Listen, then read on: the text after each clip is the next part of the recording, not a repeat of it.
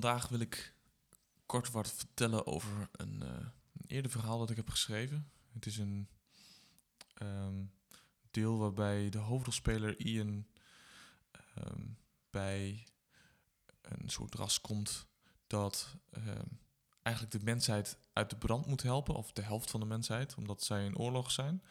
En ik heb het eigenlijk heel snel geschreven. Het is ook maar een klein stukje. maar wat ik in feite wil doen in de toekomst is om uh, mezelf beter te leren schrijven, is om eerst zo'n stuk puur zeg maar, uit het hart te schrijven. En in één keer door te schrijven en om vervolgens dat stuk uit te bouwen, te verbeteren. Um, en ja, dat is eigenlijk iets waar ik, uh, waar ik een beetje aan wil werken. En wat ik nu dus aan het doen ben, naast dat ik hier aan wil werken, is om een wereld te bedenken uit die wereld waar dan een bepaald plot is, een bepaald verhaal gebeurt, om daar dan uiteindelijk allerlei korte verhalen van te schrijven. Uh, en dat het voor mij zeg maar de kwartjes op zijn plek gaan vallen en dat het verhaal zich verder kan vormen. En uiteindelijk kan zich dat vormen tot bijvoorbeeld een, een klein boekje of, of iets dergelijks. Dat zou ik heel tof vinden. Maar ik probeer mijn doelen klein te houden. En dus eigenlijk verhaaltje voor verhaaltje te schrijven om mezelf plezier in in te geven en in te houden zonder dat mijn doel veel te groot wordt. Dus dat is een beetje waar ik ehm, ehm, nu heel voorzichtig aan werk als hobby, omdat ik het leuk vind om, om te doen en verhaal, vooral om um, eigenlijk verhaaltjes te, te verzinnen. ik ga nu het eerste verhaaltje uh, even voorlezen en dat was hem dan voor deze keer. Ian rent zo hard als hij kan en probeert achterom te kijken te vermijden. Iedere vertraging kan zijn dood betekenen. Al rennend over de vlaktes van Doran wordt hij op 20 meter achtervolgd door zo'n 25 vurige, bewapende en zeer sterke goblins. Tijd om zijn boog te trekken is dus kansloos. In de verte zit hij een groot woud. Daar zou hij snel veilig kunnen zijn. Dat is zijn kans om van ze af te komen en hij zet zijn sprint aan. Snel kijkt hij achterom en ziet dat ze dichterbij komen. Ze zijn snel, sneller dan hij had verwacht. Lyric vliegt hem voorbij en opeens heeft Ian een idee. Hij fluistert in onverstaanbare taal richting Lyric. De kleine sperwer reageert vrijwel direct door recht omhoog te vliegen. Draait volledig om zijn as om vervolgens met dichtgeklapte vleugels in topsnelheid naar de lelijkste goblin te vliegen. De magie begint zijn werk te doen en vlak voor impact begint hij rond te draaien, waardoor hij nog sneller lijkt te gaan. Zonder aarzelen boort hij een weg door het rechteroog van de goblin. Hij kruist het uit van schrik en pijn. Aan de achterkant snelt Larry het hoofd van de goblin uit. De goblin valt hard achterover op de grond, waardoor de goblins achter hem over de gevallen goblin struikelen. Doel bereikt. Ze zijn geschrokken en de afstand tussen Ian en zijn achtervolgers is vergroot. Moira bereikt het bos als eerste en blijft rennen met Ian direct achter haar. Het is een bijzonder bos. De bomen zijn zo'n 4 meter hoog en bedekken horizontaal de grond. De stammen zijn erg dik en de bomen hebben veel paarse bloemen. Op de grond zelf groeit niets, waardoor het rennen makkelijk is. De inmiddels 24 goblins bereiken ook het bos en zetten de achtervolging voort. Ier doet zijn best om ze af te schudden door om de bomen heen te rennen, waardoor hij af en toe uit hun gezichtsveld kan blijven. Als hij om een boom met een stam van wel 2 meter dik wil lopen, struikelt hij over uitstekende wortels en valt een meter voor zich uit, om met een harde smak op de aarde neer te vallen. De twee voorste goblins zijn nu erg dichtbij en Ian probeert zich omhoog te werken. Maar is te laat.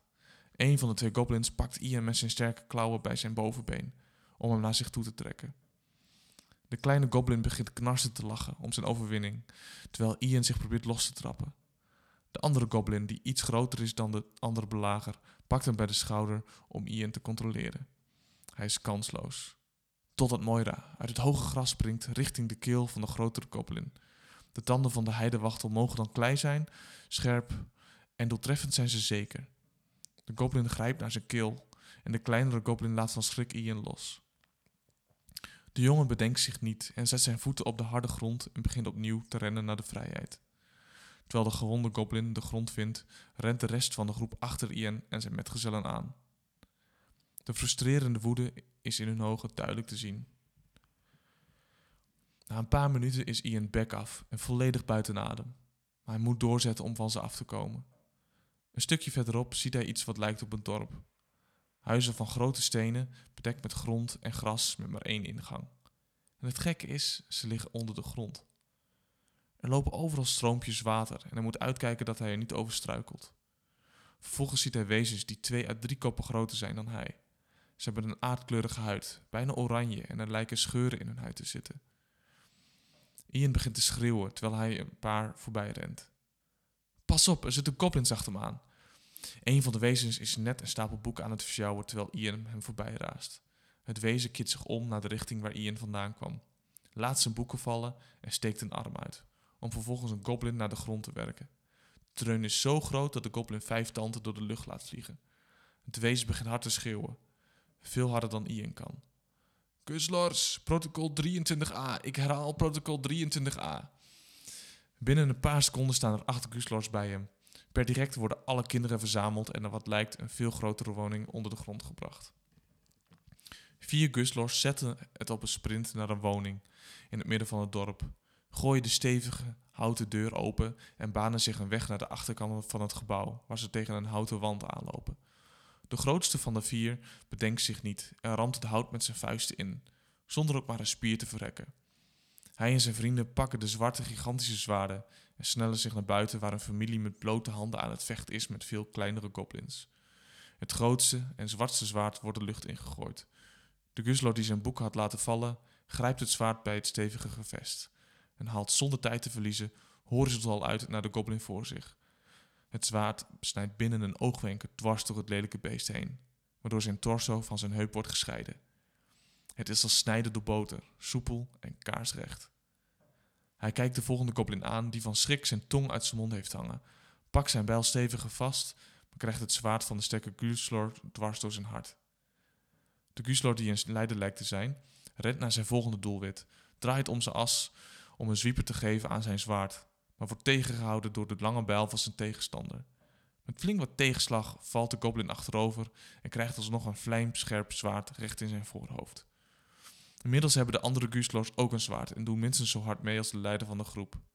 Binnen twee minuten is het voorbij en hebben ze 18 goblins van het leven beroofd en zijn er vijf ontsnapt aan de dood. Zonder buiten adem te zijn, loopt de leider van de groep Guslors in rustige stappen naar Ian toe. Loop nooit meer zo ons dorp binnen. Je hebt onze families ernstig in gevaar gebracht. Zijn stem was kalm en beheerst. Om vervolgens naar zijn vrienden te roepen: Geef de jongen te eten. Nou, dit is dus het uh, kleine stukje verhaal waarin Ian dus um, nou, een nieuw ras tegenkomt. Uh, waar hij eigenlijk ook naar op zoek is, maar dus met toeval uh, bij is in, het, in hun, woning of hun plaats terechtkomt. De naam, de Guslor, daar ben ik helemaal niet over uit. Dat heb ik 1, 2, 3 bedacht en voelt nog niet helemaal correct. En wat je ook merkt is dat ik hierin gewoon echt fouten maak. Waarin ik eerst zeg dat er niets op de grond groeit in, tussen de bomen. En vervolgens uh, springt de hond, zeg maar, tussen het gras vandaan. Waar ik ook echt aan wil werken, is duidelijkheid. Soms wil ik volgens mij te snel en vertel ik te weinig. Um, wat wel zo is, wat ik soms in bepaalde boeken merk, is dat zit je in een bepaalde flow van actie of wat dan ook. En dan wil je ook dat dat snel gaat, uh, op elkaar gaat volgen. En soms is het zo dat er dan heel veel andere informatie verteld wordt. Terwijl je zo eigenlijk in adrenaline in je boek zit te lezen, dat je dat snel wilt hebben. Um, maar de momenten waar je even rust kan pakken, is het ook goed om te gebruiken om dingen uit te leggen. Althans, dat is iets wat ik wil gaan proberen. Dus mijn volgende stap is om dit verhaal um, in feite te gaan verbeteren en dus nou, te fine-tunen en kijken wat ik daar uh, mee kan, uh, kan bereiken. Nou, dus dat. Tot de volgende keer.